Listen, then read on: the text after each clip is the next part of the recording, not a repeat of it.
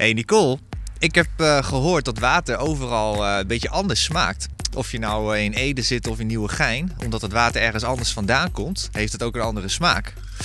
En wat ik heb gedaan, we staan hier vandaag bij productielocatie Nieuwegein. En ik heb water uit Ede meegenomen en net even wat water uit de kraan hier getapt. Laten we de proef op de som nemen. Gewoon even kijken, is die smaak nou echt verschillend? Welkom bij 1 Pot Nat, de podcast van Vitens. En vandaag organiseren wij een waterproeverij.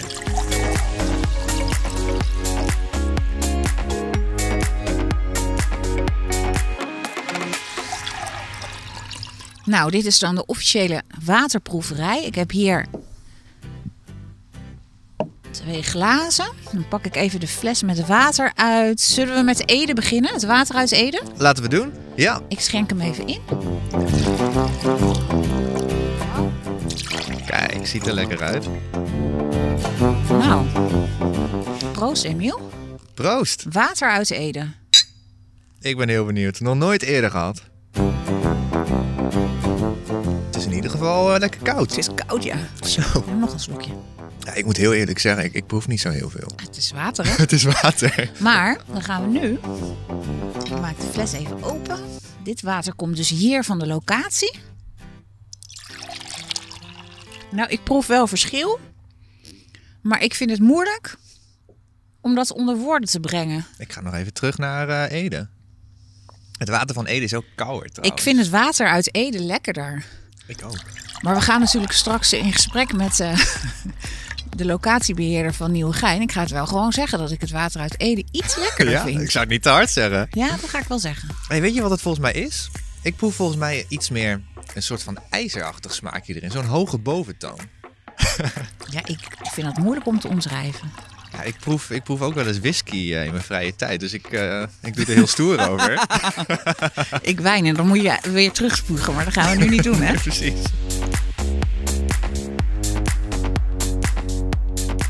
Ik ben Rob Breedveld. Ik werk bij het Waterexpertisecentrum van Vitens als hydroloog. Ik hou me bezig met de ontwikkeling van de waterkwaliteit. Dat wil zeggen de verandering van de waterkwaliteit vanaf regenwater tot aan drinkwater door bodempassage. Rob, ik heb jou een tijdje geleden gebeld eh, met, eh, met het verhaal dat we deze podcast gingen maken over klopte dat het water van de ene locatie anders smaakt dan van de andere locatie.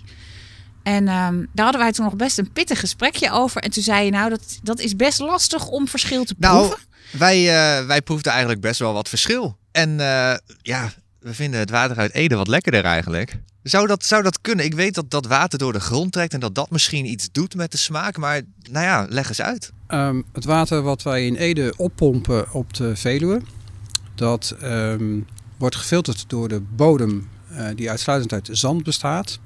Het water is enkele tientallen jaren onderweg voordat wij het oppompen.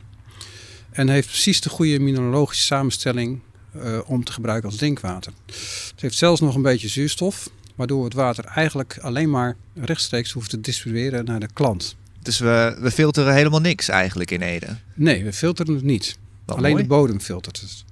Geweldig. En, en, en eh, in Nieuwegein dan? eh, In Nieuwegein is het water afkomstig voor een groot deel van de Utrechtse Heuvelrug. En dat is honderden tot duizenden jaren onderweg voordat wij het een keertje oppompen.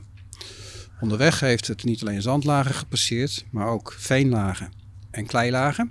En is het water, bevat het water meer mineralen dan in Ede. En het kan dus wat harder zijn en het kan dus wat anders proeven, omdat er ijzer in het water zit. Op- hey, dus we hadden het goed geproefd. in Nieuwegein. Ja, het ijzer, ja. Want je zegt dus eigenlijk dat het water iets uit de grond meeneemt. Die, die, ja, die natuurlijke stoffen. En dat dat de smaak beïnvloedt. Ja, het water eh, in zijn eh, onderweg in het transport eh, in de bodem neemt mineralen op uit die bodem. En ehm, dat bepaalt ook uiteindelijk de smaak van je water. Zo, dan lopen we nu de productielocatie binnen. Dick heet ons eh, al welkom eh, zo te zien. Hoi Dick. Goedemorgen, Hi Dick. mijn naam is Dick van Dijk, ik ben procestechnicus bij Vitens. Ik zorg ervoor eh, dat er deze drinkwaterzuivering eh, in optimale technische staat is. En ik zie nu twee enorme witte tank staan. Er staat reactor 1 en reactor 2 op. Uh, Dick, kun je me daar wat meer over vertellen? Ja, dat kan ik. Dit zijn de reactoren. Dit is de eerste stap van de zuivering. Uh, hier wordt het kalk uit het water gehaald. Kan die klep ook omhoog? Dat kan. Je kan er even in kijken. Mag ik even kijken? Vind ik wel leuk. Ja, bovenop die reactor zit dus een grote klep. Zo, dik, dat stinkt hier. Heb je een scheetje gelaten? nee. Oh. oh, dat is wel cool om te zien. Maar wat, waarom komt het dat het zo stinkt? Ik was het niet. Ik wil het ook wel zien eigenlijk. Oh, zo. Oh, dat, oh, dat ruikt echt niet goed. Nee, dat is wat methaan wat in het water zit, wat nu, uh, ja, dat komt nu uh, tot uiting doordat de zuurstof bij het water komt. Maar in de volgende zuiveringsstap is dat helemaal weg. Nou, dat is uh, fijn om te horen. Laten we daarheen gaan. Dat gaan we doen. Dit is de intensieve plaatbeluchten. Hier wordt uh, lucht aan het water toegevoegd, zodat de stank kan ontsnappen en zuurstof wordt toegevoegd, waardoor het ijzer en mangaan in de volgende stap weer wordt afgevangen. Oké, dus dat, dat methaan van net gaat er hier eigenlijk uit? Dat klopt. En kan deze klep ook open? Dat kan zeker. Mag Probeer maar even. Proberen? Wow, dat lukt me niet. Oeh, die gaat zwaar. Kan je even helpen, Dick? Jij hebt ook geen spierballen, Nicole. Nee, dat klopt. Wow! Zo. Nou, wat je hier dus ziet, is echt een enorm bubbelbad eigenlijk. Vol bruisend water. Wat, wat, ja, wat wit, uh, witte schuimvlokken zeg maar erop. Of daar geen schuimvlokken, maar uh, bubbels. Het water is heel hard in beweging. Nu snap ik wel waarom je het uh, intensief noemde, Dick. Zo, en we zijn nu aangekomen bij de filters. Ik zie hier staan dat we hier een aantal natuurlijke stoffen uit het water halen. Achter deze deur vindt er plaats. Kom maar kijken. Zo. Kijk, hier gebeurt het. Door die middelste goot komt het water in het filter terecht. Het valt dan uit de goot in het zandbed. En door het zandbed trekt het heen. En uiteindelijk komt het dan in onze opslag terecht. En via, of door dat zandbed, daar blijven dan die natuurlijke stoffen achter die we er niet in willen hebben? Daar blijft het ijzer en mangaan inderdaad achter. Oké. Dus dit is gewoon een, een, een, grote ruimte eigenlijk voor de helft gevuld met zand en voor de helft met water. Zo kan je het zien, ja. Mooi.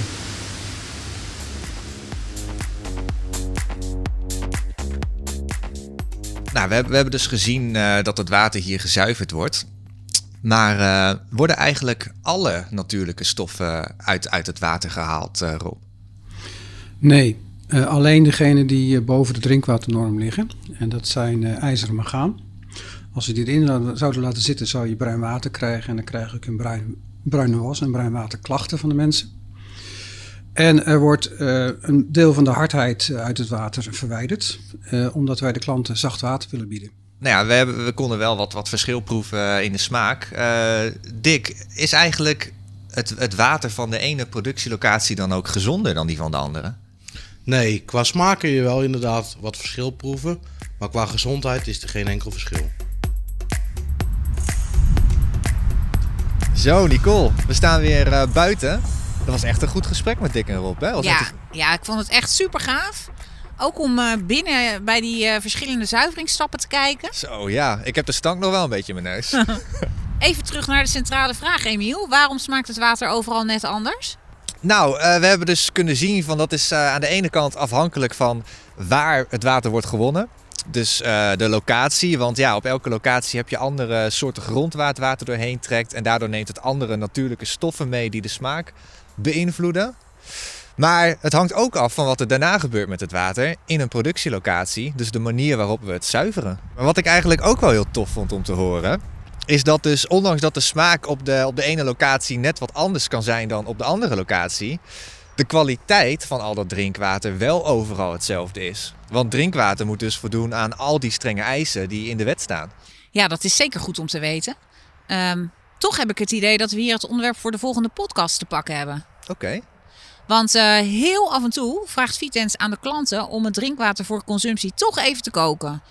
En um, wat mij betreft gaan we in de volgende podcast op zoek naar het antwoord op de vraag: waarom geeft Vitens heel af en toe een kookadvies? Bedankt allemaal voor het luisteren naar 1 Pot Nat, de podcast van Vitens. Vond je het leuk? Abonneer je dan op ons kanaal. En luister je via Apple? Laat dan een recensie achter. Graag tot de volgende 1 Pot Nat.